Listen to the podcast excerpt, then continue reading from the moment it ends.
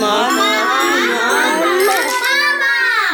Imam potrebu da vam ispričam jednu kratku priču. Uh, moja fobija od oštrice od žileta, koja seže, ne znam ja od kad, um, naišla je na ozbiljan problem, to jest morala sam da se suočim sa tim kada sam prvi put uh, otišla na porođaj. Porađala sam se sa svojim prvim detetom, sa sinom i naravno, pošto sam znala da žene briju pre porođaja, između ostalog, jel tako, to je deo protokola, uh, ja sam sve to ne, obavila sama, otišla u salon, sve smo to sredili, rešili i došla sam da se porodim. Doktorka rekla da odem na pripremu za porođajnu salu, pojavila se medicinska sestra koja mi rekla da legnem, raširim noge, da ona mene obrije. Ja sam joj to rekla da uh, sam ja sve to završila, da nema potrebe ništa da radi, da je slobodna, može da odmori, ali ona je insistirala da ona mene obrije. Onda sam ja ponovila da, sam, da je to sve gotovo i uh, da nema potrebe da išta radi. Uh, Na to sam je malo naljutila očigledno gde je ona viknula na mene da učutim, da se smirim, da radim šta mi se kaže i da ona mora da završi svoj posao, posao za koji je plaćena. I naravno prišla mi je sa tim brijačem, sa žiletom i kako je prišla i krenula da radi svoj posao, ja sam se naravno cimnula jer sam se tresla od straha. Uh, došlo je do šikljanja krvi, krvi je bilo na sve strane, uh, tu gde je ona krenula da, da radi je trebalo da izađe uskoro beba, moglo je doći do ozbiljne infekcije, do raznoraznih komplikacija i problema, ona je tu stala, Krenula je svađa između nje i mene, gde ja ne mogu da se smirim, ona ne može da završi, na kraju je digla ruke, svašta mi je rekla, bacila mi neke ubruse da se ja kao obrišem, sredim i izašla. Uh, U svakom slučaju, dok sam se ja smirila, to je potrajalo, tu krv su nekako sanirali, dezinfikovali i sve se na sreću završilo kako treba. I drugi put kad sam se porađala sa čerkicom, uh, uspela sam da zaobiđem taj deo protokola, neću sad da vam pričam kako, ali u svakom slučaju nešto sam naučila. Današnje gošće Mamazjanije, Marinu Mijatović advokaticu i Dušicu Kovačević, koja nam nije ovde prvi put, VMS babicu i vlasnicu Baby Patrole. Želim da pitam, jesam li ja imala pravo da govorim toj medicinskoj sestri šta da radi. Da li ona sad treba da radi svoj posao i ne. I da li sam uopšte imala pravo da se ja kao pripremim za svoj porođaj, iako sam znala šta sve sledi u toj pripremi. Dobar dan. Dobar dan i, i dobrodošli. I hvala na pozivu. uh, naravno da ste imali pravo da sve uh, kažete šta želite, šta mislite i svaka pacijentkinja treba da uh, kaže nešto unapred, da, je pri, da se pripremila, da je upoznata sa procedurom, ne mogu reći sa protokolima jer ih nemamo, e, ali više sa procedurom i oni moraju da čuju šta taj neko govori i da učestvuju u tom razgovoru, ne da napadaju, ne na silu da rade svoj posao, jer njihov posao ne treba da bude nasilan, nego treba da bude partnerski odnos o kojem stalno pričamo i treba dakle da bude neki odnos saradnje. Da, treba da kažemo, da, treba da pitamo i da, treba da dobijemo odgovor i to je sasvim dovoljno za neki početak da se uspostavi ta komunikacija i baš taj strah je najveći problem gde dolazi do još dodatne, dodatne u stvari loše komunikacije, produbljivanja tog lošeg odnosa,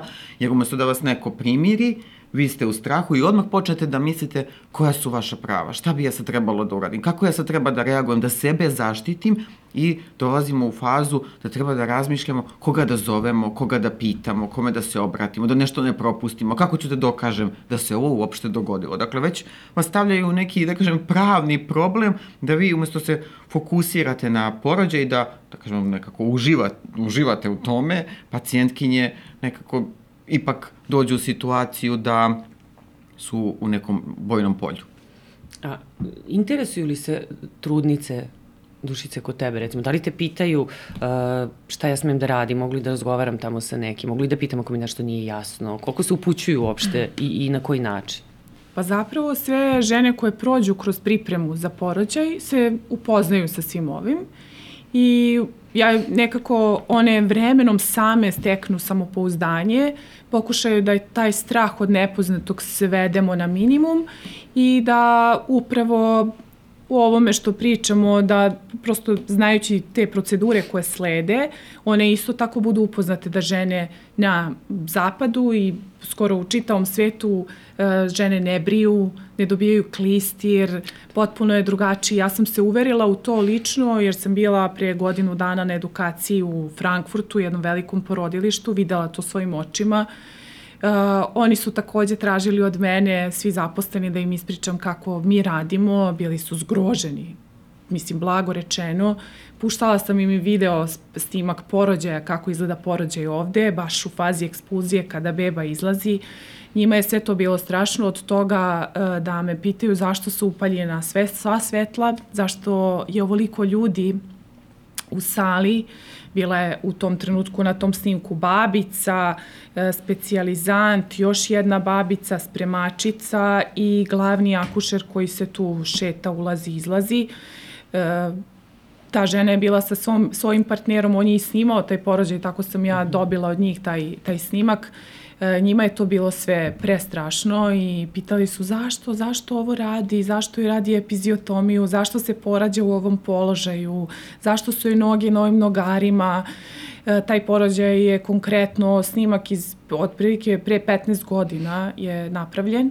Tada sam ja i počinjala i zadržala sam taj snimak i sada puštam nekad ženama da im kažem šta ne valja na tom snimku. Mm a pritom je porođaj ok, ništa se tu nije desilo traumatično ni strašno, jednostavno ide svojim tokom, ali jako puno umešano, e, umešanih tih e, faktora ljudskih u taj fiziološki proces koji zapravo remeti. I ono gde smo se mi, gde, gde mi stojimo, a gde su oni napredovali, jeste upravo to što se oni odavno su se vratili prirodi, odavno su se vratili tim osjećajima, njima je na prvom mestu važno kako se ta žena osjeća i ovo o čemu pričamo jeste nedostatak empatije kod naših ljudi koji su ovde zaposleni. Ja sam pokušala pre par meseci, napravila sam jednu radionicu gde sam dovela babicu iz Nemačke, organizovali smo edukaciju od, u trajanju od 4 sata, jednu kao radionicu. Meni se na tvu radionicu prijavilo osam babica iz cijele Očekivala Srbije. si? Pa, prvo sam se plašila iskreno da, da niko neće, mhm. jer je negde osjećam da postoji otpor prema bilo kakvim novinama i bilo čemu i šta će ona sad nama da kaže i šta mi od toga možemo da uradimo ovde, nas i onako ništa niko ne pita. Postoji ta jedna, kako da kažem, jedna stagnacija u tom, toj edukaciji. E, za lekare ne mogu da kažem, oni se u svojoj struci dosta edukuju, mi imamo vrhunske specijaliste, stručnjake i tako dalje. Porođaj nije tema u svetu, e, nije tema e, isključivo lekara. Tako da naš lekar kada ode i kada se edukuje o porođaju, uglavnom se edukuje o komplikacijama, procedurama koje se rade za vreme komplikacija. Kada imamo fiziološki porođaj, tim porođajem se bavi babica. Veliki je problem što naše babice apsolutno ne rade i ako možda postoje pojedinci koji bi nešto i promenili, nemaju sluha. Između od tih osam babica, njih četiri su bile veoma mlade, jako mlade. Jedna se javila, uh, pratila online iz Čačka i rekla da je radila u Čačanskom porodilištu, ali da je uh, ubrzo, posle dve godine rada dala otkaz jer je želela, ta, tako je rekla, želela da je sačuva svoje psihičko zdravlje. Jer se ona kao jedna mlada osoba susrela sa istim ovim problemima koje pacijentkinje osjećaju na svojoj koži. Kada uđete u jedan kolektiv, on pokušava da vas uvuče u to i da vi treba da radite kako vam oni kažu. I zapravo jedna je bila iz Bora, U tom trenutku je bila trudna kad je pratila edukaciju i rekla je da planira da se porodi u Beogradu, što je najčešće slučaj da dolaze iz e, manjih gradova iz Srbije e, da se porađaju u Beogradu verujući da je ovde bolje i da je ovde bolji tretman jer e, u manjim sredinama one znaju tačno i šta se radi i ne bih da se možda svašta ne, mislim razni su, e, ja to vidim i po patronaži, mi nekad imamo e, pozive, može neko da dođe u posetu, izlazimo iz porodilišta gde živite u hotelu. Zašto ste u hotelu? Zato što sam za, živim u Vranju, a, a porodila se u Beogradu.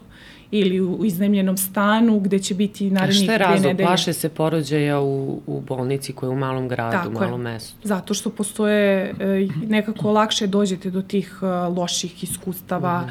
e, znate, više se ljudi tu poznaju, e, taj strah koje one navuku samim tim što, što su tu je prosto nadvladao moment, tako da možemo, to isto sam čula i za Kragujevac i za, evo sad smo nabrojali nekoliko Da, ali gradova. imamo, imamo i Beograd, Marina, sigurno ti imaš iskustva sa, sa brojnim slučajima. Takođe i ovde. Da. Da, da, da. S obzirom Da. da se baviš između ostalog je zdravstvenim Tako je. pravom i, i kakav je taj odnos između eto porodilišta u Beogradu i mala mesta? Ili istina da u malim mestima ima više Koleginice problema? Jelena Stanković i Ivana Soković-Kasmanović Jeste. radila smo taj izveštaj i ono što je nama po- pokazao to istraživanje da je mnogo više kršenja prava pacijentkinja u velikim porodilištima. E, imamo primere, mi smo navele primere gde su se žene žalile i za opšte bolnice koji imaju porodilišta, ali nekako najveći broj je ovih velikih porodilišta. Jeste tačno da je tu najveći broj porođaja, pa samim tim i najveći procenat je žena koje su se javile koje su obavile porođaj u tim velikim zdravstvenim ustanovama, ali to nam baš govori da nam nije zdravstveni sistem uređen, ni da mi znači očekujemo da je tu bolja usluga, da su bolji uslovi, što uopšte nije tačno. I onda čujemo sa druge strane lekare koji kažu, ali mi ne možemo da postignemo da poradimo toliki broj žena. Ne ulaze žene samo u ginekološko-akušerske ustanove radi porođaja i održavanja trudnoće. Trudnoće mi tu imamo i neke druge zdravstvene usluge i one isto prolaze kroz neke od ovih procedura i susreću se sa ovom vrstom dakle, nasilja. Ono što bi trebalo da se uradi, da se obezbedi mogućnost da usluga u svim zdravstvenim ustanovama gde ima porodilište bude jednako kvaliteta, da mi prosto nemamo tu predstavu da samo u Beogradu možemo dobiti kvalitetniju uslugu. To je već stvar e, Ministarstva zdravlja, Oni ništa ne rade, dakle, po pitanju edukacije, ne samo lekara i generalno zdravstvenih radnika, nego i po pitanju e, pacijentkinja, po pitanju uopšte nas kao građana i građanki Republike Dok se ne Srbije. desi neka tragedija i onda tako imamo je, neku evo mi reakciju poslale koja izveštaj, traje. mi smo poslale Tri dana. izveštaj i Lekarskoj komori i Ministarstvu zdravlja. Mi ništa nismo dobili konkretno kao odgovor. Nije cilj represija. Nije cilj da mi ulazimo u sudske postupke. Jer mi kad već dođemo u tu fazu, mi znamo da se to nasilje dogodilo.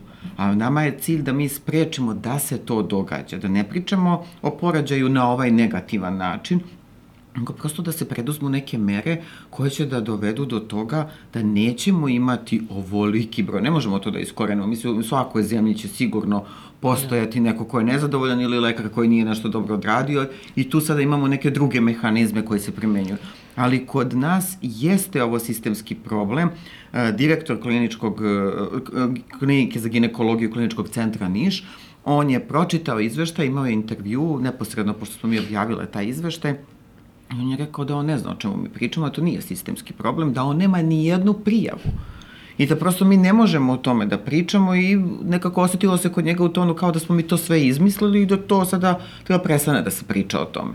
Nije ni jednog trenutka rekao dobro ispitaćemo da vidimo, da pitamo naše porodilje, trudnice, a, ležeće pacijentke, za čim su one nezadovoljne. E sad sa druge strane dolazimo tu opasnost da to može da se uradi preko ankete, kao što se obično radi sa ležećim pacijentkinjama, koje će iz straha zaokružiti sve pozitivno i dobro i neće smeti da kažu realno. Dakle, mora da se pronađe neki model, a evo sada imamo u medijima koliko primjera, imamo žene koje su se nama javile putem maila, opisale te svoje doživljaje, i preživljavanja u zdravstvenim ustanovama. Znači sve to negativno, e, a to sve negativno treba da uzmemo u obzir. Dakle, onako kako su one to osetile, kako su one definisale i taj strah, i, i fizičke povrede, i vikanje, vređanje, urlanje, znači sve to kad se uzme ovako kao jedan korpus nasilja, taj neko ko je nadležan, Ministarstvo zdravlja, zdravstvene ustanove pojedinačno, znači Ministarstvo zdravlja mora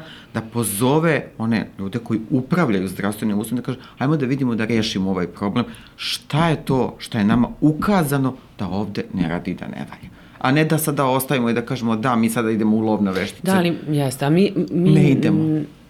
Iznova, iznova čekamo te prijave. Koliko je prijava koje nikad nećemo dočekati, Tako nikad ih je. nećemo vidjeti, koliko je tih žena koje ćute, koje strahe i koje kažu pa dobro, prošlo je, sad je sve u redu, beba je dobro, ja sam dobro, idemo dalje. Tako je. I ne Ali želim da dovoljno. se zameram. Onda imamo zaista ljude koji, mislim, koji se plaše da kroče u bolnicu posle, jer ono, čuju kako su eto i lekari povezani između sebe, svi se tu znaju, reći će ovaj onom, onaj, ne znam, nekom trećem tamo, pa će doći i, i, i do mog doktora.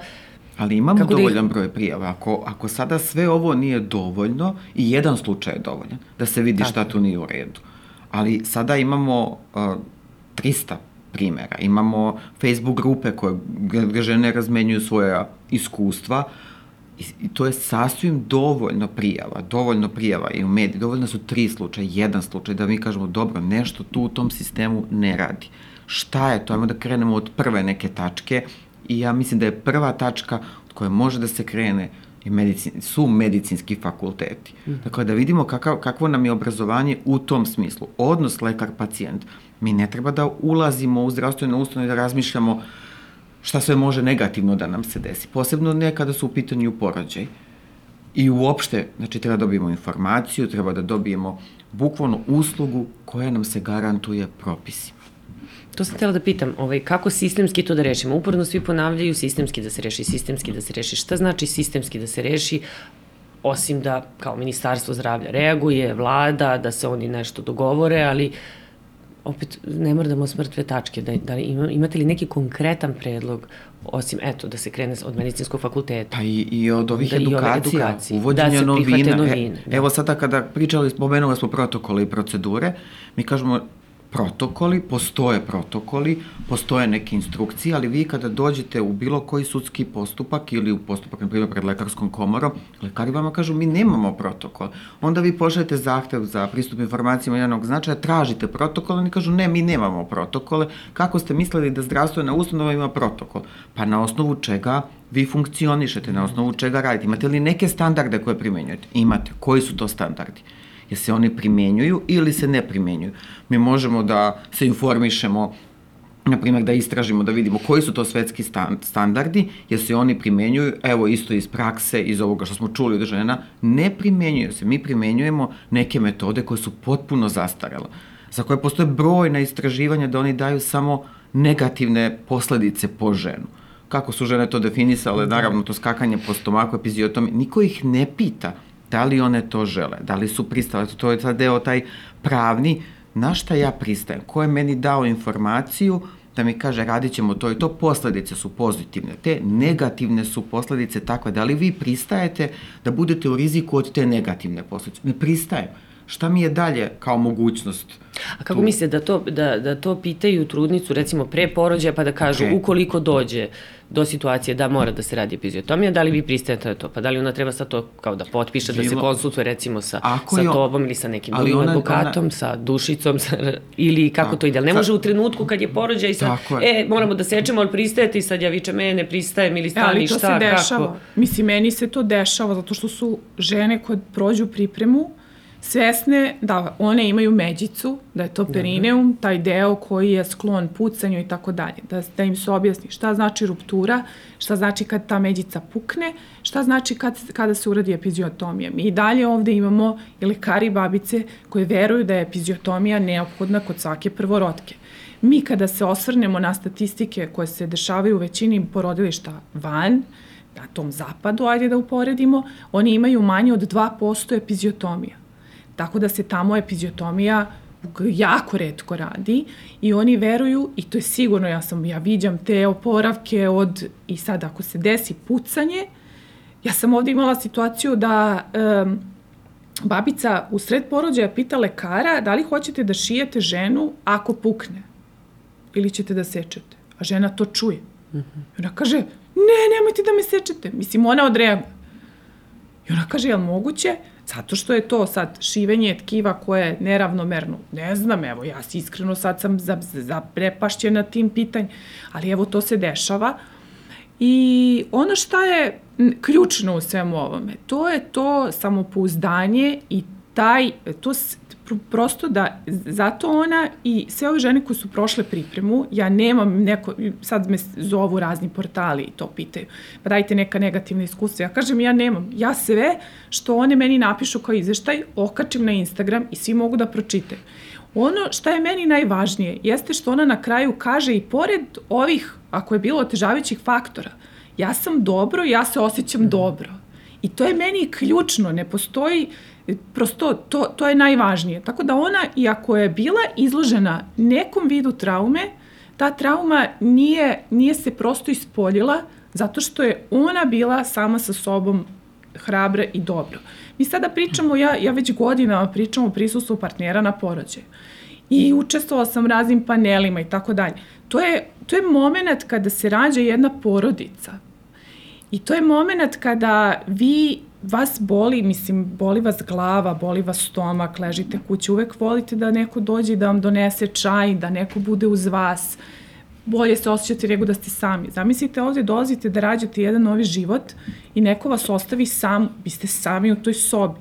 Da je strah koji se tu javi, koji može da vas preplavi, adrenalin koji se luči, koji parališe, znate, u, u, tom trenutku kada adrenalin dostigne vrhunac, vi dobijate, mislim, dobijate, imate situaciju beži ili bori se. Ali pošto ne može da pobegne, ona mora sad da se bori i sad je način kako će ona da nađe snagu da se I to je fiziološki, to je normalno da ona prolazi kroz kontrakcije i bolovi. Kada ona to osvesti kod sebe i zna da je to prosto fiziologija i da je svaka kontrakcija nagovešta i da je njena beba bliže rađanju i da svaka kontrakcija grli njenu bebu, pa ona to prihvati, ona to nekako sa, sa nekom radošću, to do, do, prosto nije, ali oni su tu da ona u slučaju da kaže ja ovo stvarno više ne mogu, ja mogu da dobije malo anestezije, da ta anestezija bude. Da ne, ne postoje porodilišta gde se nudi anestezija svakoj ženi, a da postoje porodilišta gde se nikom ne, mislim, ako imate vezu i tako dalje. To su sad, prisustvo oca na porođaju, mi sad ovde brkamo. Mi sad ovde dolazimo do toga da stavljamo, sada se po, potpisuju peticije prisustvo oca, prisustvo oca, da bi otac bio neki tu zaštitnik, telohranitelj, bodyguard, tamo, security, da, on, da, da se svađa, da. da on može da snimi situaciju, da oni su da može da bije koga treba, da tako vikne. da. Mislim, mi sad se odaljavamo od suštine. Postoje brojna brojne pozitivne, šta je tu dobro za tog oca. Mislim, to će njega da oplemeni. Taj moment kada on vidi svoje dete koje dolazi na ovaj svet, pa to je neprocenjivo. Mislim, žena koja, ja sam bila u toj Nemačkoj, kada žena dođe sama, oni svi kao, ona je došla sama, ona je došla sama. Znači, osoblje komunicira i onda je babica pita zašto ste sami, gde vam je pratnja. I sad ona kaže, muž mi trenutno nije tu, ne znam, pa dajte nekog da pozovemo. U slučaju da ona u tom trenutku nema nikoga, mama joj ne živi tu blizu ili ne znam sad, nema nekog ko, ko može, uh, babica, nađe se babica, obično tamo oni imaju dosta studentkinja babica, oni studiraju da budu babice i dosta vremena provode dok studiraju u samom porodilištu i onda se nađe tako neka najmlađa i možda studentkinja koja ima zaduženje da sve vreme dok je njena smena bude uz nju. Kao podrška. Znači, prosto da. je neshvatljivo da žena koja se porađa bude sama. E, koncept našeg porodilja, što ću ponoviti, ja ne znam da li ste vi bili nekad ti si sad porađa, pa te, morate da uđete tamo i da vidite kako arhitektonski to izgleda. To je potpuno zastarelo i sada vi u, ne znam, u frontu i u gradskoj bolnici trenutno u tim državnim imate mogućstvo, mogućnost prisustva partnera. Ali za to postoji Zamisli, je jedna prostorija porodilište, to je izdvojeno kako je veće porodilište nekim staklima, to se sve čuje, tu nema nikakve intime, ona čuje, u frontu postoji jedan taj boks gde su dve žene, znači bukvalno jedna do druge. Kako da vi uvedete tu bilo koju sad treću osobu? Mislim, kako može da bude partner sa njom i da bude, to, to je nenormalna si... E, u svim tim porodilištima postoji jedna prostorija koja je izolovana kao sobica, gde može da pristuje partner. I sad ako bi se to masovno desilo, ovde se i dalje traže brisevi, bris nosa, bris grla. To nigde na svetu ne postoji da se toj osobi rade bilo kakve brisevi, ali to je neki vid selekcije. Aha, stafilokoku nosu ne može da pristujete porođaj. Svi imamo stafilokoku nosu, da. zato što ga imamo na koži, imamo ga u... Mislim, hoću da kažem da mi idemo u tako neke krajnosti da zapravo na sve načine hoćemo to da stopiramo. Višegradska kao klinički centar još pre tri meseca, mislim, ajde sad ne znam tačno, je objavila da neće da dozvole prisustvo partnera, da nema nikakve pratnje, da nema poseta, zato što je COVID. O čemu mi pričamo?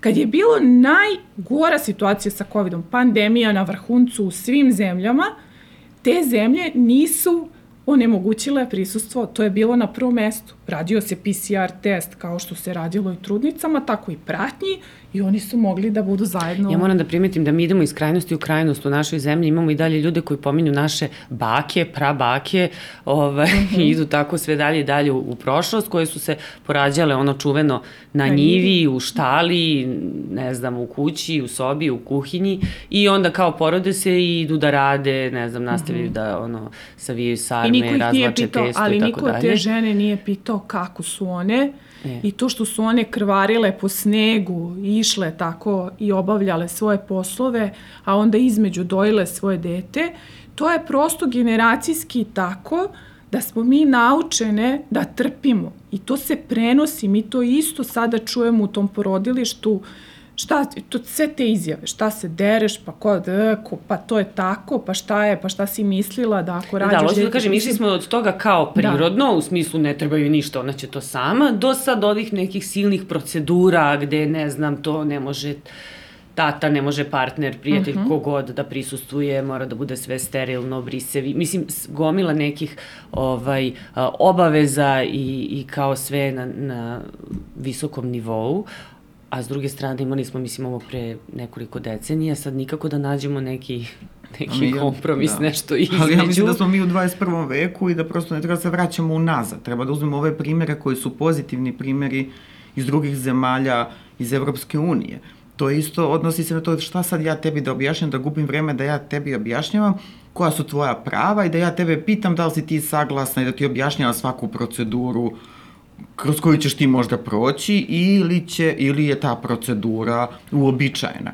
Ja ću da gubim vreme, nema nas dovoljno, ćuti i trpi i sad, na primjer, zakon o pravima pacijenata ima jednu normu koja kaže da kada mi uđemo u zdravstvenu ustanovu, da su one obavezne da nam olakšaju patnju i bol. A mi sad u ovom odnosu, u stvari, sa pacijentkinjama imamo obrnuto gde se njoj kaže ćuti to i trpi, zašto pitaš, treba da trpiš da bi bila dobra majka, dobra žena mm -hmm. i sve to kroz što ti prolaziš kao ta patnja i bol, to u stvari pokazuje jednu tvoju jačinu i na to ne treba da se žališ. Šta to znači? Ulaziš u bolnicu, kad se porađaš, pa naravno da boli. Kako si mislila? I to su te neke poruke koje se šalju ženama da se one dovedu u neki podređeni položaj, a ja bi se samo vratila na ovaj pristanak u stvari, koji su zakon o pravima pacijenata zove informisani pristanak. Ja sam videla te formulare, moram da kažem da su jezivi, ja kad bi pročitala, ja bi ustala i izašla iz ustanove. Kad bi mi samo neko rekao ta prva stavka šta to znači,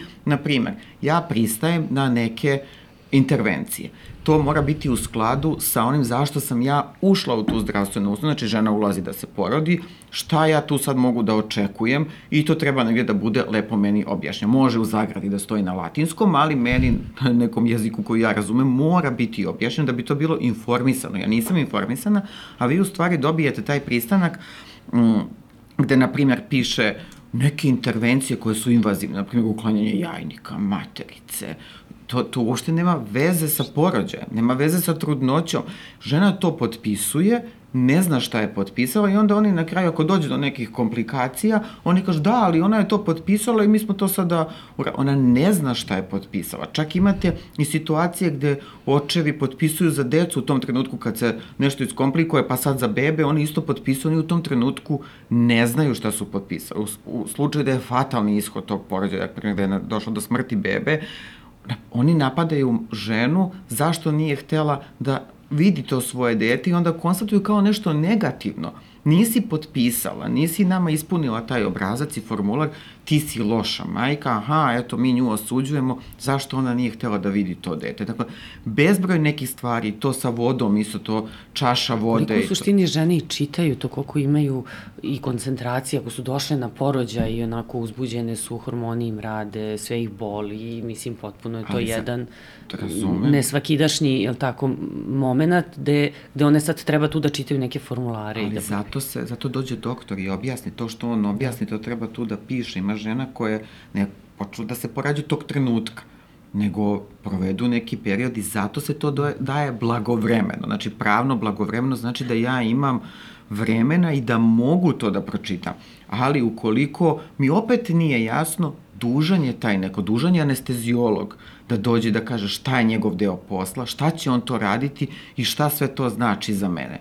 Jel tu ima nešto loše ili je sve dobro za mene? A i ako je loše, hoću i, i tu stranu da čujem, da bih ja mogla da procenim da li sam ja sa tim saglasna. Ne, ne može samo da mi se radi, ja sam tu ušla, nekako sam zatvorena, to sama sam.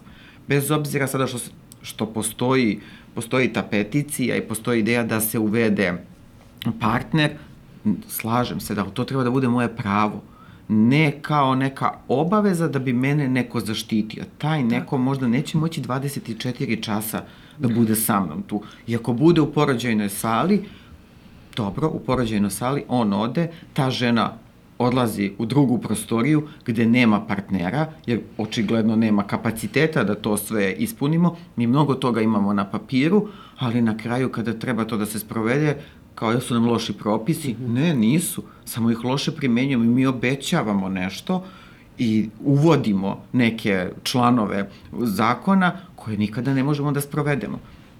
I onda vi to imate, nismo obavešteni i kada imate to u propisima, neko čuje, počne to da se primenjuje, onda dobijemo sad reakciju ministarstva, to kao sad da. kad se borimo za svoja prava, mi smo loši što se borimo za svoja prava. Ne treba, jeste, to postoji tamo negde, ali mi ako krenemo da se borimo, mi smo loši zato što pitamo, zato što tražimo. To sve, sve se nekako obrne. Onda treba ministarstvo lepo da kaže, dobro, to su kapaciteti ovog zdravstvenog sistema, možemo to da vam pružimo, ovo ne možemo, želimo da čujemo koji su to dometi našeg zdravstvenog sistema, šta to možemo mi da, da očekujemo, a ne da nas izlažu torturi i nekom nasilju i da kad mi želimo da se zaštitimo, opet dobijemo osudu. A zašto prijavljujete? Ne, a postoji zašto to opravdanje kako su u pitanju pojedinačni slučajevi pod parolom nisu svi takvi ili većina nije takva, ali nisu. to je ono što, što smo rekli na početku, dovoljen je jedan slučaj. Pa dovoljen je jedan, jedan slučaj. Tako, Zašto taj jedan slučaj treba da se oćuti, da se ne prijavi,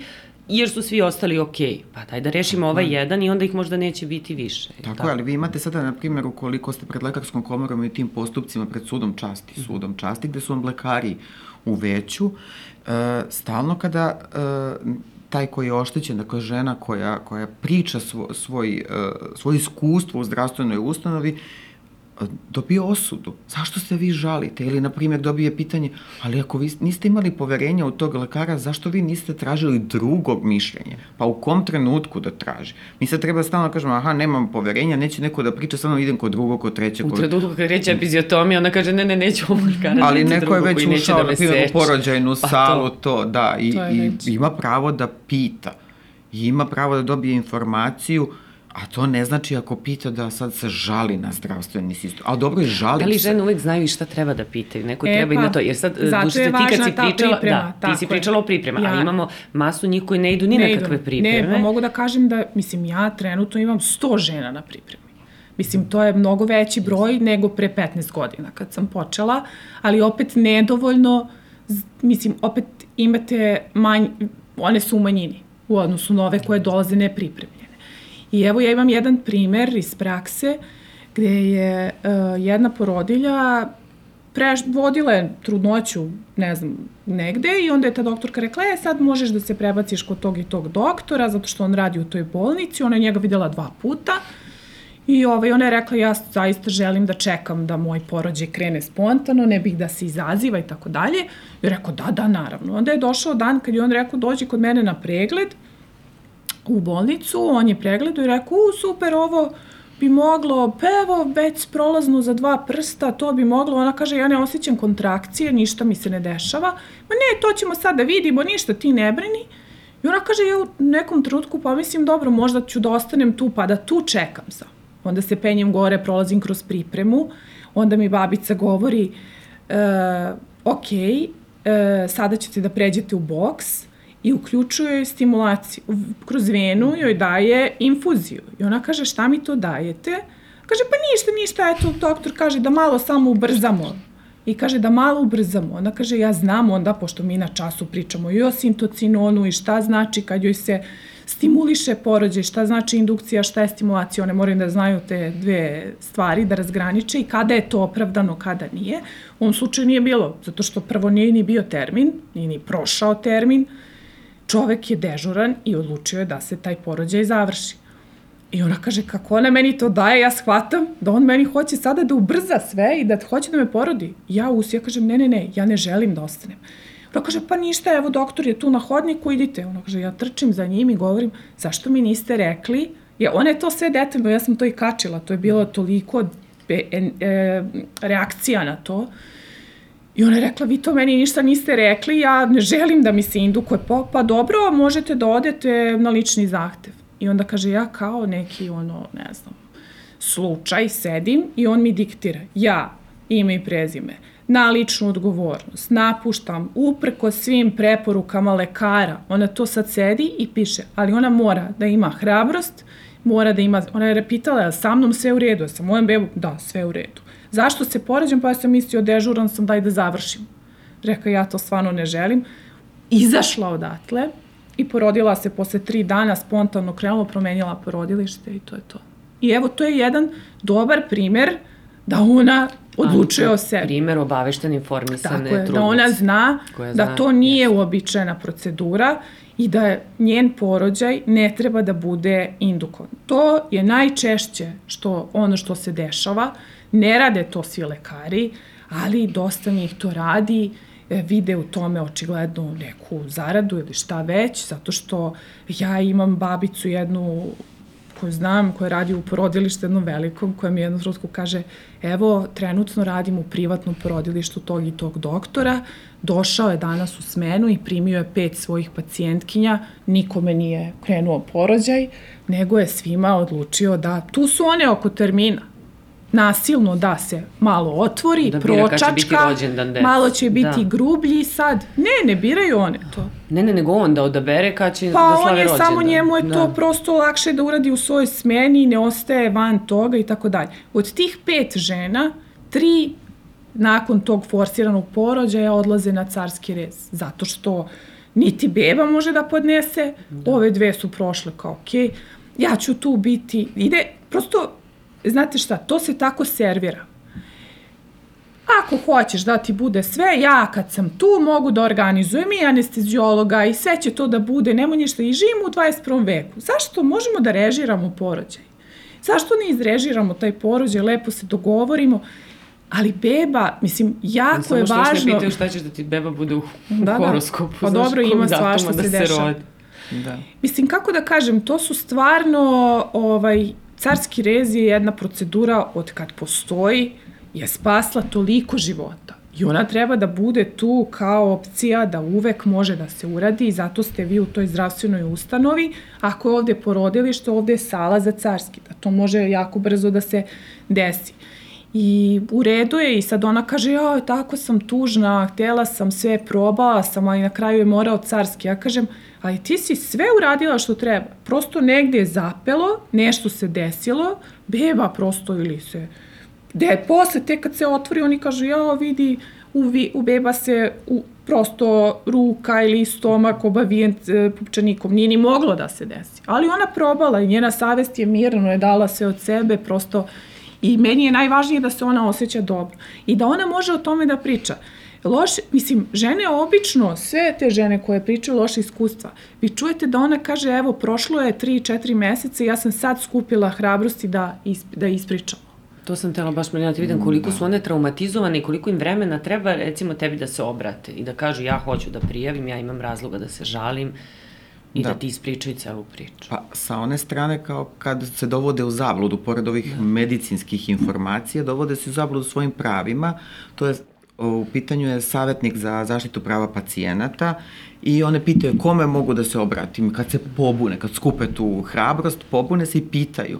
I onda oni njih dovode, znači oni koji su- rade, načelnici, doktori, direktori, kažu, aha, evo sad ćemo mi da dovedemo našeg pravnika, dovedu pravnika, on to njoj nešto objasni usmeno, smirje, sve će to biti u redu, dok ne daje pravni savet.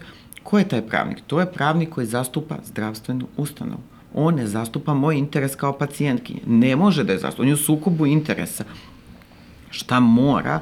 Mora da je kažu jeste, ima savetnik za zaštitu prava pacijenata, ja to nisam, evo informacije, to treba da zna i svaki doktor, svaka babica, medicinska sestra, e, to su informacije, to je broj telefona, ovo je mail, možete pozvati, može neko vaš, evo izvolite pa se žalite. Dakle, ja imam pravo da se žalim, da prijavim ukoliko smatram da su moja neka prava narušena, povređena. Kada ja to prijavim, dobro je kod ovog mehanizma što brzo reaguje, dakle ima rok nekih od 5 dana, da ja mogu da dobijem neku informaciju.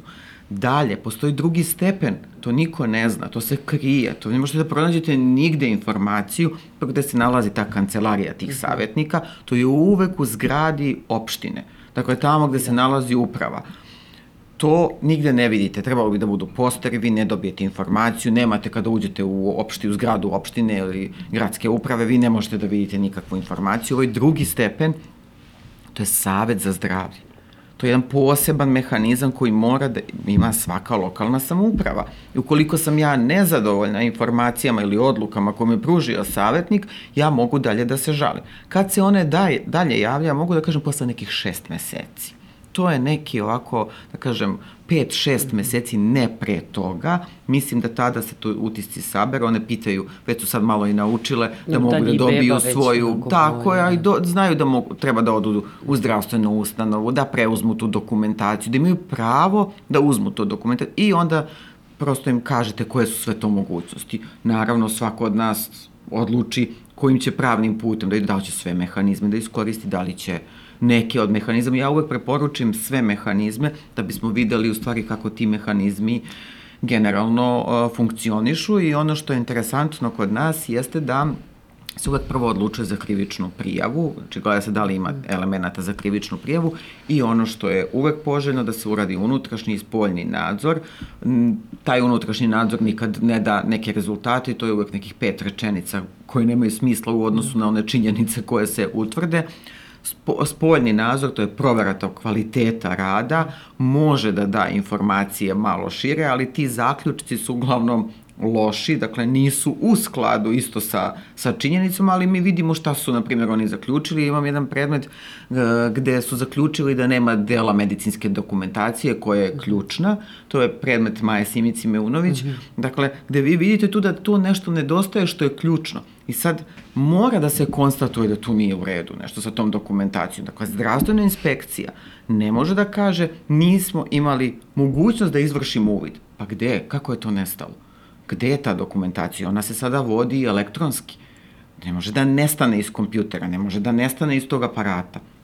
Sledeće pitanje je li vam radi taj aparat? Je li ta zdravstvena ustanova može da pruži određenu uslugu koja je, na primer, uticala da dođemo do nekog fatalnog ishoda i da, da ženi bude ugroženo život i zdravlje kod bebe je došlo do fatalnog ishoda, ali prosto ne možemo to da zanemaramo. Možemo da kažemo nema, nema te dokumentacije, ali je sve u redu. I da, ili da konstatujemo nešto potpuno drugačije. To, to sada i ulazimo u problem naravno veštačenja, ulazimo u problem obdukcije. Mi smo u nekoliko postupaka podneli a, preveli smo taj obdukcioni nalaz, poslali smo u inostranstvo na mišljenje. Oni su se, na primjer, iznenadili, kolege uh, lekari su se iznenadile kako je taj obdukcioni nalaz toliko štur.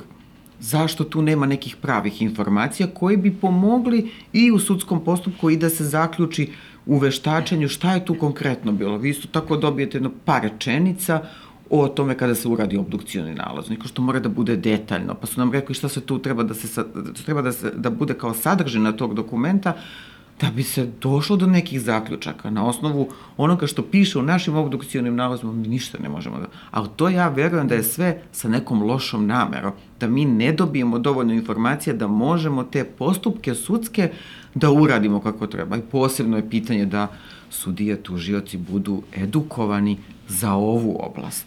Dakle, ne treba ni da se pitaju, ne treba da budu edukovani i da imaju koga da da pitaju za neke postupke ukoliko je to usko stručno, ali moramo se edukovati. Dakle, moramo ako prihvatimo da radimo neki predmet gde je specifična, uža neka oblast, mi moramo znati nešto o toj oblasti. Kako će sudija da vodi postupak, kako će da, da upravlja postupkom, kako će da se postavljaju pitanja.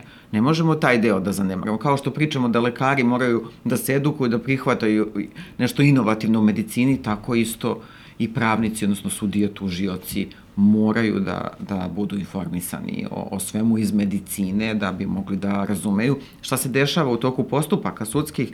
Vi imate veštaka, mi sad kažemo dobro, nismo razumeli vaš nalaz, hoćemo da vas saslušamo. Niko ne razume šta oni pričaju, naravno to je sve namerno, da vi postavljate pitanje, dobro ne razume, možete da pričate na srpskom jeziku, da ne koristite medicinske termine, ali vi ste tu da meni objasnite i sudiji. I to traje satima, na primjer, može traje ispitivanje jednog veštaka, zato što vi tražite tačan i precizan odgovor koji vama razumljiv, kao i ovo što porodiljama treba da bude razumljivo šta će, šta će im se raditi, kako teče taj porođaj. Onda na kraju dobijemo uh, direktno diktiranje u zapisnik od strane veštaka. I vi kada dobijete presudu, samo je prepisano to iz zapisnika, ništa ne razumete. Vi sad kada bi se tražili da se to malo pojasni... Da, sve je to nešto se... nabacano, kao da hoće da dovedu u Tako da ima... konfuzije, zabune, da, na, da odustane. Tako da, ta, kako treba da radimo u odnosu lekar-pacijent, tako yes. treba da radimo i u ovom delu, u svim ovim mehanizmima zaštite, to mora da se proširi, moramo da budemo upoznati sa, sa tom konkretnom oblašću, da li je to ginekologija, da li je to pedijatrija, mi moramo da znamo šta tu piše i o čemu mi tu pričamo, dakle koje dokaze izvodimo, isto tako veštaci moraju da nauče da treba da pričaju nama razumljivim jezikom. To je njihova uloga. Može da postoji taj stručni deo, ali ukoliko meni nije jasno, imaju obavezu, ne da opet diktiraju na latinskom, nego meni da, da objasni, da mi odgovore na moje pitanje. Da dovodimo prevodi, prevodioca. Pa da, evo Tako. sada da se nadovežem na tu dokumentaciju. Ono što sam ja zapazila u toj Nemačkoj jeste da e, oni kada vode jednog, jednu porodilju, e, imaju ovako jedan sto, e, kao pult jedan, gde sede i lekari i babice. U smeni je sedam babica, porodilište veliko, na primjer, kao Narodni front i dva lekara. E, svako ima svoju kolonu, da kažem, u e, kompjuteru tu gde se vodi ta pacijentkinja i svako zbeleži šta e, radi apsolutno sve šta je rađeno se tu upisuje. Mm -hmm. e, za razliku od nas, babice tamo čitaju CTG, tako da ona na svakih nekih pola sata, sat mora da zabeleži promene i da opiše taj CTG. E, I potpisuje se, svako se potpisuje. Ono šta je isto bilo, ja sam imala jednu pacijentkinju koja je vežbala kod mene online i porodila se u Austriji, I onda je rekla, imale smo neku online konsultaciju, ona je rekla, baš sam razočarana, nisam očekivala ovako da mi se završi porođaj sad bilo je to, počela je prirodno, pa završila na carskom, tako da se to sve dešava i negde tamo, da prosto postoji neko nezadovoljstvo. E, ja sam se onda obratila bolnici gde su mi oni organizovali viđanje sa lekarom i babicom koji su bili zaduženi za mene u tom trenutku i znaju sve šta se dešava. Onda je ona otišla kod njih na razgovor, oni su izneli ispred sebe svu dokumentaciju i krenuli lepo da je objašnjavaju. I ona kaže, ja sam nakon tog susreta shvatila šta je bilo, da li je bilo, pošto u nekom trutku prosto ostala bez nekih informacija tu na licu mesta. Tako da je to zapravo ključno uh, u, e, kada pričamo o tim traumama, mislim da je to ključno da se vi suočite, da dođete i da ti ljudi budu prosto raspoloženi, da vama objasne na prvom mestu, a tek posle, ako tu ne dobiju nešto i ako tu budu prosto razočarani, da, da imaju, da da, da vide da, da prosto nije urađeno kako treba, onda se obraćaju advokatu i idu dalje. Tako da na prvom mestu mislim da je mnogo važno. Mi ovde imamo situaciju da meni žene kažu ja ne znam ko je bio taj koji je došao, koji je bio grozan, šio me, ne znam, svašta nešto što ima, ona nigde nema evidentirano ko je ta, taj lekar. Vi na otpusnoj listi imate samo načelnik odeljenja i ne znam, ništa, apsolutno nemate informaciju koje su osobe bile prisutne. često, tako da, pa ovaj dolazi da pomogne, da ne znam, mnogo preuzme ljudi se smeni i, tako, i da, ne da. predstavi se. I vi pa, da. zapravo ne znate sa kim komunicirate. One se sad zezaju. Juče su rekli, kao, pošto ih ja pitam sa trudnice, posebno prvorotke, da li se plašite? One kao, pa da, malo se plašam, razmišljam gde da stavim kameru, ono, GoPro da stavim. Kaže, stavit ću negde da vidim. I svakog ću da pitam uh, za ime i prezime I to je stvarno važno da vi znate sa kim komunicirate i prosto evo i meni se dešava, mislim normalno je da šta god radite da se neko možda požali, pa i mene kad neko zove i kaže da li evo sad imam problem ako je patronaža, pa beba, pa da, ja se onda potrudim da to objasnimo i da im izađemo u susret i onda se ona smiri kao da jeste, u pravu si, da, ali ja sam baš bila onako iznervirana. Ja, ovo je odličan primer pozitivne prakse koju bismo mi mogli da prepišemo ovaj razgovor sa Tako je, to ne lekarom. postoji. Eventualno ako vi sad e, poznajete tog lekara, išli ste privatno i to nigde ne postoji kao praksa, da. to se nije dešavalo, naše mame se nisu tako porađale kao sada. One su išle to zvanično dom zdravlja, vodile kod nekog trudnoću, kada krene porođaj nisu uopšte razmišljale da li poznaju babicu i lekara i da li znaju one sa te ljude, nego odete tamo i tako žene na zapadu i dalje funkcionišu samo dođu, odaberu porodilište po nekim svojim afinitetima, da li je blizu, da isto one rade... Kod nas je to postalo nepisano pravilo s godinama unazad da se ide privatno kod Nekog lekara, ko će, ko radi jeste, u toj bolnici. I onda kaže, ja sam nedavno razgovarala s nekim ženama i one kažu, pa dobro, išla sam kod njega privatno da bi se osigurala. A uh mhm. -huh. šta si htela da osiguraš? Pa da se obezbedim, kao da obezbedim mesto u porođaju, ali i da će taj uh, moj lekar biti tu u trenutku kad, kad porođaj Pa jedino ako se krene. ovako namesti, ali da vi sada... I sad one plaćaju, da. daju velike sume novca tokom, eto, 9 meseci, neka idu i 3-4 meseca poslednja pred porođaj i svakako ovaj, plaćaju Uglavnom te kontrole. Svaki. Da, i ovaj, Da ne pominjem i to da, da vrlo često i nakon porođaja ide ona čuvena koverta i doktoru i anestezijologu i babici. Ne kažem da oni to traže i zahtevaju, ali, ali ljudi su prosto došli u neku, neko stanje zavlude da na zapadu, moraju to da rade. Da, ono što je zanimljivo, na zapadu klinički lekari ne rade vođenje trudnoće privatno. Znači, apsolutno ne mhm. postoji, radim u bolnici, pa ću popodne da idem da radim privatno, pa imam svoje pacijente, to prosto kao uh, model ne postoji. Zato što oni, njima je to neshvatljivo. Kako može neko ko radi sad noćnu smenu da izađe iz noćne i da ima svoje pacijente? To, to stvarno, mislim... Meni to delo kao da ni, ne bi trebalo da bude ni po zakonu do, dozvoljeno. Pa dozvoljeno taj broj deli. pacijenata, ali to nam da. sve sad ovo pokazuje kad smo se dotakli domova zdravlja, koliko ne funkcioniše mhm. zdravstveni mm -hmm. sistem. Vi imate primarnu zdravstvenu zaštitu. Mi smo potpuno isključili ginekologe iz doma zdravlja. Mi idemo baš to privatno iz straha da obezbedimo prisustvo lekara na tercijarnom nivou zdravstvene zaštite. Zašto to radimo? A onda često se i pita pa kako ona očekuje da ja budem prisutan ili da doktor taj koji je vodio privatnu trudnoću, nemoguće, moja smena se završila, ja sada odlazim, kakva su to njena očekivanja? Opravdana.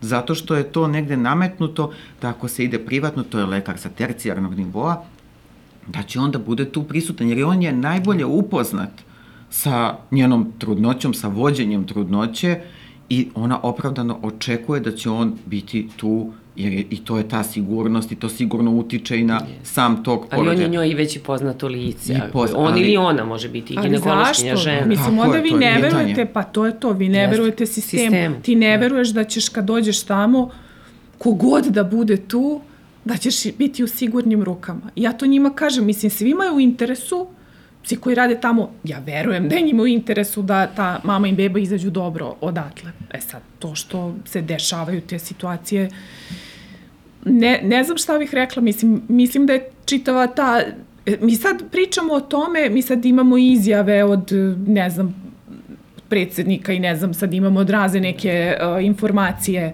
uložit ćemo, obnovit ćemo porodilište i tako dalje. Pa mi možemo sad tu da, o, da mislim, mi možemo sad tu da uložimo da se tu ogromna suma novca uloži, da se to stvarno napravi, da bude onako par excellence kad vi uđete, da to sve ovako bude ekskluzivno, ali dolazimo, mislim, šta će vama sad najbolji mogući reflektor, najbolji mogući porođajni sto, najbolji mogući kad vi, ako vi nemate ljude koji to rade, pa vi ništa niste uradili. Mislim, mi moramo da počnemo od nas, od edukacije zdravstvenih radnika da se Ljudi su u oni svakom smislu najvažniji, šta je. god da radimo. Ali to nije prepoznato. Mislim, ja verujem da ja ne ilazim, ja kao ovako mali jedan, kako bih rekla, Ali značajan. da, mali šraf, Karika. Pa mali šraf, mislim, mene sigurno, ja dobijam pohvale razne od babica koje rade u porodilištu i od ginekologa. Ja znam da dosta njih mene i prati, i prati moj rad i svi znaju i pitaju žene gde stiže na pripremu i one kažu dušica, aha, čule smo za nju, znamo duši i tako dalje. Tako da uglavnom dolazi, ne, dolazi do toga da ih pohvale kako su one, pa neki dobiju čak i pitanje, jeste vi koleginica, pošto ona toliko sad bude informisana, da svaki korak prati i sve zna, aha, sad ćete to, da, da, da. I to je stvarno važno, ali s druge strane mi baš treba svi da se potrudimo i to je u našem narodu malo onako mi specifični smo mi, mislim, kako ti to sad radiš, zašto si ti sad, šta si ti to pametnije i bolje, ajde da vidimo kako si ti to, zbog čega si, i prosto malo onako odskačem od tog, ja sam radila u tom državnom sistemu, znam sve kako funkcioniše, I bila sam mlada i došla sam i počela sam da radim i oseti se to kako se taj sistem te uvlači. Gde si sad bila, šta si radila, što si bila u sobi, ajde bre dođi sedi s nama, popijemo kafu, pa onda to, to, to, to, to. I tako i onda vi postajete isti kao oni, ne znam kako da... Ne možete da se oduprete tom Tako je, ovaj, mislim ima tu stvarno izuzetaka, fenomenalno. načinu rada koji... Evo, na primjer, trenutno imam sad informaciju od e, trudnica da CTG u Domu zdravlja Vračar, pazi, pazite, Vračar, velika opština, Beogradska, nema CTG. I onda oni sve e, trudnice šalju u front Mišović, Višegradsku, da idu tamo. I sad vi dolazite, ona kaže, ja sam došla tamo u front i shvatila sam da na, dole na je dva CTG-a i da su redovi za to. I onda sam odustala, rekao sam ja stvarno ne mogu ovde da čekam, mislim, i ode i plati privatno. Tako da to je sve čitava ta jedna Jeste zavrzlama. kola, Da, gde Da, oni... ali evo baš kraju- kod toga idem privatno da radim, zato što to nešto ne funkcioniše i tu ne dobijemo informacije. Moram da dobijem papir da to nešto ne radi. Šta se dešava sada u praksi? A, Da ukoliko ne dobijete uslugu, na primjer, u domu zdravlja, vi pošalje vas na tercijarni nivo, ne, ne sekundarni, nego na tercijarni nivo zdravstvene, da tamo radi neki CTG, vi vidite da tu ima 50 žena koje čekaju, pitanje da hoćete da dobijete uslugu, vi ne možete da čekate, odete privatno i ne možete da refundirate te troškove. Znači, ne, ne dobi, ne, prosto vas sistem tera da idete ono, u najgoru moguću varijantu sistema zdravstvenog osiguranja koji u svetu postoji, to je ja imam obavezu da plaćam to osiguranje, posebno žene koje su mm -hmm. trudnice i porodilje, njima poseban zakon reguliše sva moguća prava ovoga sveta i da ja kad uđem u sistem, ja ću dobiti sve što je meni na raspolaganju, a u stvari neću dobiti ništa i onda idem platim i onda ne mogu to da refundiram, mm -hmm. ne dobijem uopšte informaciju o svojim pravima i naravno to su dupli oni troškovi. Dakle, mi smo jedan najgori sistem osiguranja koji trenutno postoje, to je imam obavezu, moram da plaćam osiguranje, ne mogu da dobijem uslugu, ne znam ni koje sve usluge mogu da dobijem, jer to niko neće da mi kaže, moram da platim iz svog džepa, tako se i zove plaćanje iz džepa, a imam mogućnost i tog dobrovoljnog osiguranja, to je ovo privatno što mm -hmm. kao ja imam tri mogućnosti, a u stvari samo jedna funkcioniše, to je da platim iz svog džepa, jer mi ona 100% garantuje da ću ja da dođem, platim i sve ću da završim, i to nas izlaže dodatnom trošku. Znači, opet nam sistem ne funkcioniše, nije samo stvar kvaliteta zdravstvenih usluga, nego je to šta ja to dobijem u stvari. I sad taj sistem mene maltretira kao pacijentkinju, tera me sada da idem od jedne do druge do treće ustanove, ja sam ovde sada išla u dom zdravlja, ne radi, što ne radi? Zašto ne radi? Zašto niste na vreme uradili servis? Dakle, da ne ulazim sada, to sad, onaj princip javnih yes. nabavki, da li je to sve na vreme regulisano, uređeno, isplanirano, ništa ne funkcioniše. Dakle, mi sad treba da krenemo, da vršimo pritisak na ministarstvo, da se stvarno uredi ovaj zdravstveni sistem, da ja mogu da dobijem punu uslugu i koja je to usluga koja je meni na raspolaganju. Neću da plaćam iz džepa. Jeste, volim kad mi se neko osmehne u privatnom sektoru, jesu ljubazniji, jeste sve to novo, sjajno i divno, ali onda ja ne želim da plaćam obavezno zdravstveno osi- osiguranje. Dakle, što se tiče novca, oni kažu stalno, pa ne možete, vidite koliko su lekovi, koliko je plata, na primjer, lekara na u nekim zemljama u Evropi, jeste, ali mi ne dobijemo tako kvalitetne lekove, mi uglavnom uzimamo polovne te aparate i nije tačno da nema dovoljno novca u zdravstvenom sistemu. Opet se vraćam na lošu organizaciju, kao da postoji neka namera da mene kao pacijentkinju izgura iz tog sistema, da ja idem i nešto da plaćam. Dakle, to isto važi i sa e, trudnicama i porodima. Zašto da vodim u privatnom sektoru a, svoju trudnoću, zašto mi je to nametnuto, nisu žene razmažene, to se često čuje, da, da, ali u Britaniji da prosto dođete do lekara koji radi na tercijarnom nivou, a zašto bih dolazila do njega? Ne moram svaki mesec, jer su žene i meni rekla da je to njima stres da svaki mesec idu na neke preglede, ako ne mora, i to je sve u redu da ja dođem Ako treba svaki da. mesec, ok, ali ako ne, zašto me taj sistem gura da plaćam iz džepa neka Ali dodatna znate šta, osiguranja? sve u redu. Postoji i evo i na zapadu i uglavnom i u toj Nemačkoj praksa da vi te e, priva, zapravo te, da kažemo, ginekološke ordinacije gde one vode, to su privatne. To su privatne prakse. Ali im osiguranje koje one plaćaju državi, država refundira tom privatniku. Tako je, tako, Tako je, da oni- regulisano, da.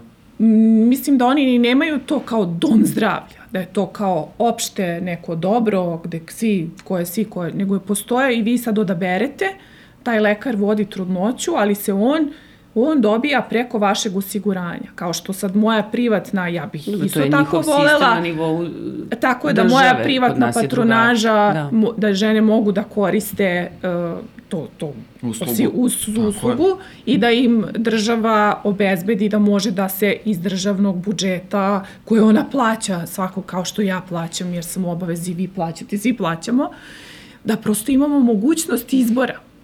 A ne da nam se nametne državna služba, vi niste zadovoljni, a ne možete da promenite. Vi ne možete. A onda ona mora da plati e, iz svog džepa ili da koristi privatno osiguranje koje može da koristi u privatnoj praksi.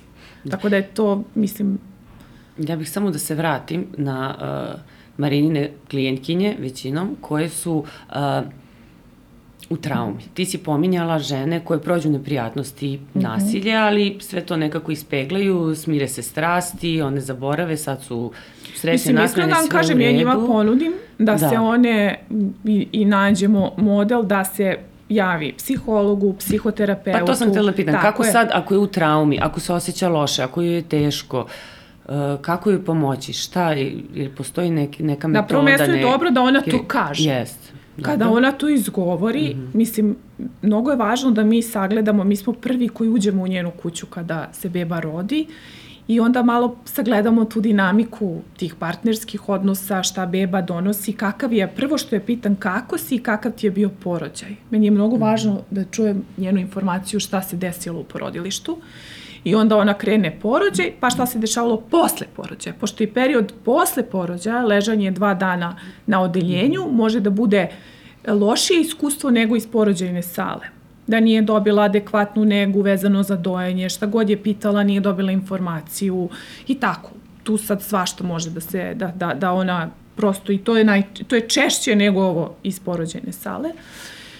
E, tako da je na prvo mesto meni dobro što ona to izgovori. E, mi koristimo u patronaži, to se zove Edimburška skala, koja nama pomaže, to je jedan psihološki test koji mi kao sad prve koje uđemo tu, uradi tu kada je ona prosto, kad ja nisam sigurna da li ona zahteva dalje terapeuta ili možemo sad razgovorom. Tako da ona uradi tu jednu edimburšku skalu, prođe kroz taj test i onda nama taj rezultat koji dobijemo meni pomogne da idem dalje i da kontaktiramo dalje neku ko će da joj pomogne. To je opet isto privatno. Mi sad opet pričamo o tome da ona mora da bude, mo, mislim prosto da ima mogućnosti.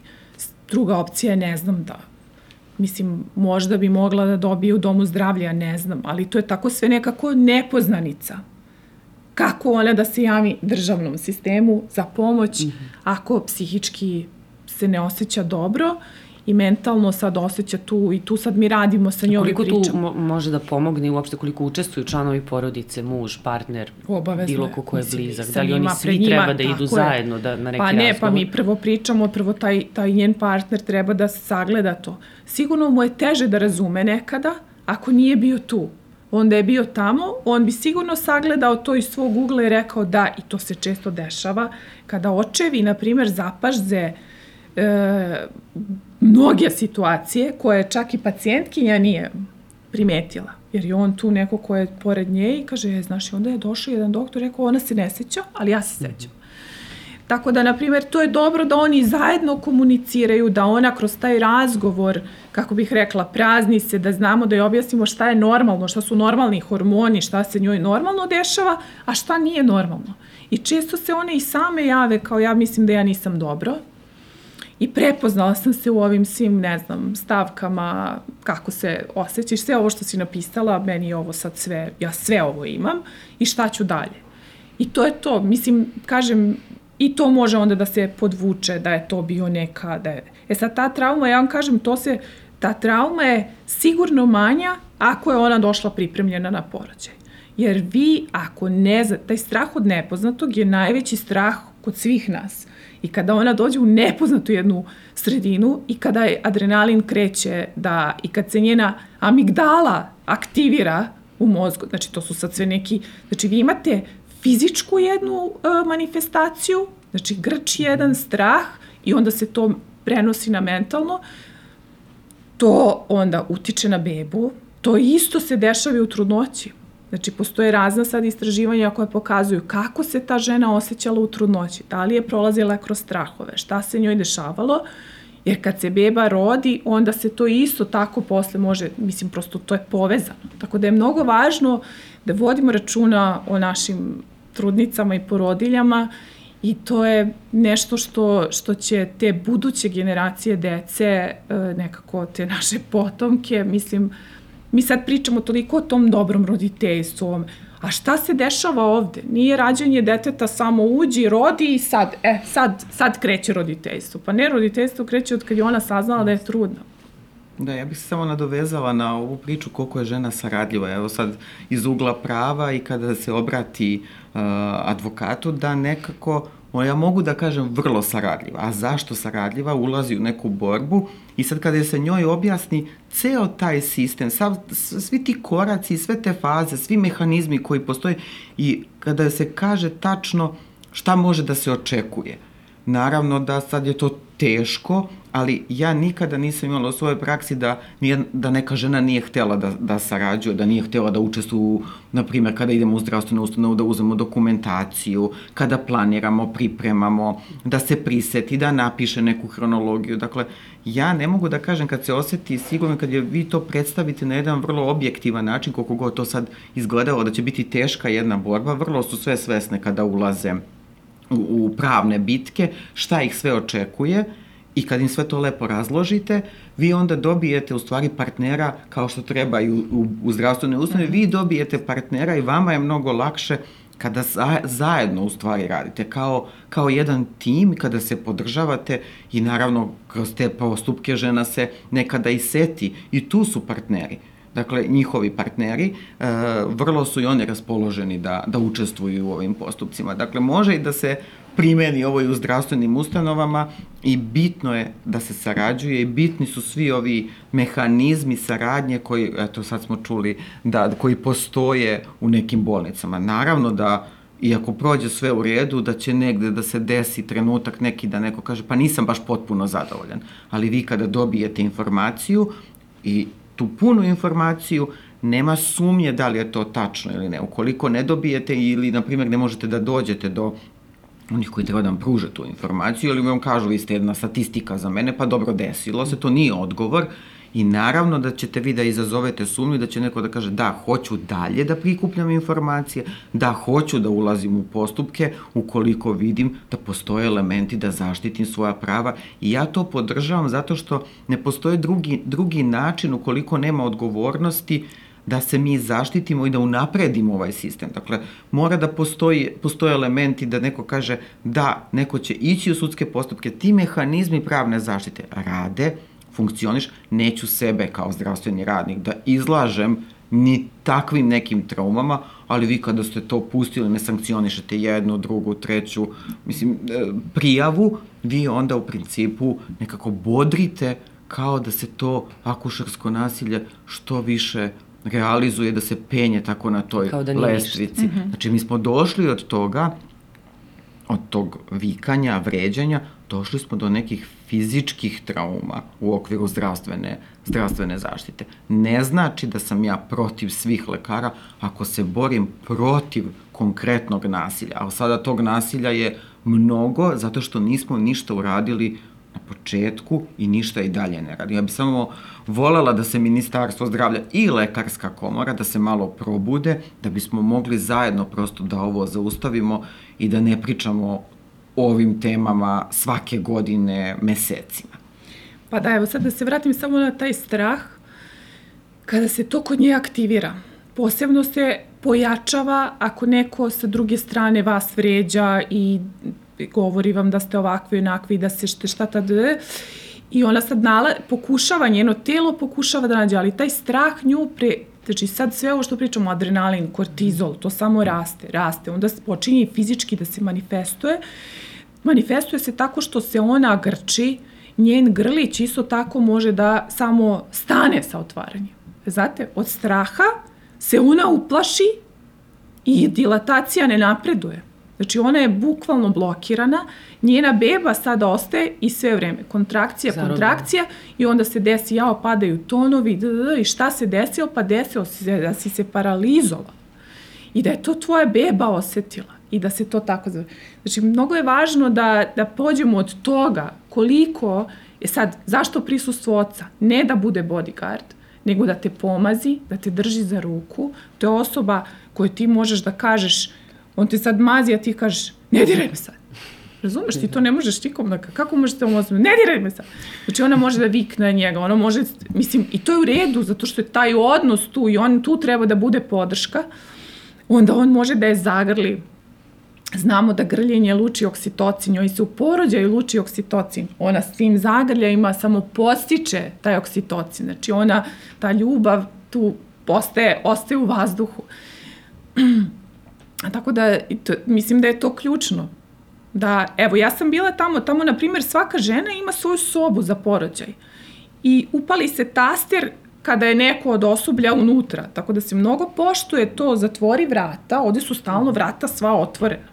I meni se dešavalo da ja, zabor, da ja samo ostavim vrata, oni kao, zatvori vrata, zatvori vrata. Znači, tamo je prosto toliko se vodi računa o toj njihovoj intimi, o toliko se vodi računa, pa onda babica je pita da li hoćeš da popiješ nešto, da si pila malo vode, e, da li si gladna, pa vidi da joj pada šećer, da samo gubi energiju, onda je ona da, ne znam, tipa kockicu šećera ili kaže, e, sad ću da vidim šta imam tamo, da ja sam bila pristo kad ona njoj daje kroasan. Onda muž kaže, pa mogu ja da izađem, da je kupim nešto, šta da je kupim? Ona kaže, nešto lako, svarljivo. Pa imala sam jednu uh, porodilju, to stalno ponavljam, zato što nikad neću zaboraviti njene, imam, okačila sam njene fotografije s porođaja. Ona se u Kini rađala. Tu su bile u toj prostoriji sve neke lampice, onako prigušeno svetlo lampice I sećam se njenog izveštaja kao da je neka kineskinja babica masirala sve vreme, pa je stalno pitala. Pa onda one su slobodne, idu u toalet, normalno. Ne ono, podignite zadnjicu, staviti lopatu i ne znam šta, mm. kateter, nego to je sve tu je. E sad ovde ne može, zato što vi morate izađeti iz ove prostorije pa da idete na tamo kraj hodnika da biste otišli u toalet. To su neke osnovne ljudske potrebe gde se vi osjećate poniženo u nekim situacijama, a ovde sad ova iz Kine kaže dušice, ja sam jela najlepši kivi u svom životu na porođaju. Ja kažem, čemu ona priča? One su njoj seckale voće, hranile tim kivijem ona je zapravo, e, i to je to. Vi dovedete ženu da izgubi potpuno energiju, da nema snage, pa zamislite sad da ne jedete 10 sati. Evo, 10 sati. I da se ne pije vode. Da se, a voda, da. da. Čak i ona nije ni, že, nije ni gladna, ali ta žeđa, imam jedan izveštaj gde žena sve vreme piše koliko je bila žedna. Ona ne piše, ona iz, izvešte kako ide porođaj i sve vreme govori. I onda sam bila, a bilo je leto, 40 stepeni, ona nije. I sada kada pitate anestezijologe, onda oni kažu uh, da je u redu da žena popije malo vode. A kada pitate osoblje što ne mogu vodu, pa anestezija rekla da ne može. Neverovatno. Zato, zato što dva, tri gutljaja vode neće apsolutno ništa da poremeti anesteziju i to je to sad. Da, dalje. Samo još da se oni Mhm. dogovore. Dakle, mi smo ovde zaključili neke korake Mhm. da se krene od srednje medicinske škole, ja bih rekla. Može, Pa može, ja sam medicinski, saglasna, tako je. medicinski fakultet, edukacija, uvođenje novina, prepisivanje pozitivnih praksi iz Mhm. razvijenog sveta, pa onda možemo da uradimo nešto i na tim porodilištima, jel? na toaletima recimo, na ishrani, ona kuhinja u porodilištima, Pa da. čuvena i tako dalje. Ali to neka sačeka prvo da, da se ovaj, reši problem sa ljudima, sa odnosima, ovi koji imaju problem, naravno pričamo o, o ovim slučajevima, Uh, a onda ne znam, vidjet ćemo možda jednog dana, možda ćemo jednog dana i mi biti primer neke pozitivne prakse, ja se... Ja mislim da ovo sve Ja se treba da nadam, utiče pozitivno, da. da. mi zapravo u budućnosti preveniramo ovakve Upravo situacije i da vidimo šta možemo da uradimo svi zajedno da do toga više prosto da ne dolazi. Da, za početak. I da nam možemo nasilje krenemo- ne bude Tako. uobičajeno. I da krenemo od norm- dobar da. dan, kako ste ime i prezime, a ne broj ili majko, ženo, dakle dobar dan, ime i prezime. Dakle, i kad ih pitamo kako se vi zovete, da dobijemo ime i prezime, a ne, na primer, Jelena, a vi kažete, a prezime, a što je to važno? Dakle, da dobijemo to osnovno ljudsko neko ponašanje kada ulazimo u zdravstvenu ustanovu. Da, i samo ovo za kraj u svetlu svih ovih nemilih događaja kojima smo bili svedoci proteklih dana, da još jednom umirimo trudnice koje nas gledaju. Ti si već dušice pomenula da su neke onako sad malo uplašene zbog eh, svih ovih raznih teških priča, ali da ih umirimo i da im kažemo da nije baš uvek uh, tako strašno pa ja, i da je i ja ću i dalje da pričam isto što univerzum. sam sve vrijeme.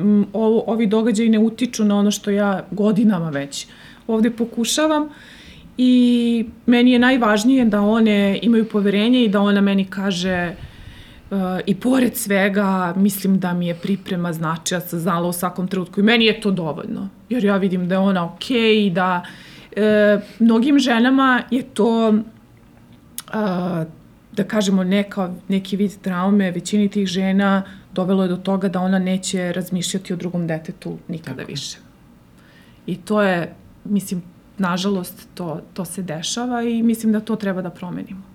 Da, i upravo sad i ovo što kažem da osnažimo ove koje su drugi ili treći put trudne, a već su doživljavale neprijatnosti, da se opet Da, da, toga ima. da Pa meni se snažno vrate uđu te, da, da, meni dolaze salu. sad drugorotke, trećerotke koje u jednom trenutku e, kažu da su prvi put loše prošli, zato su odlučile da sad idu na pripremu.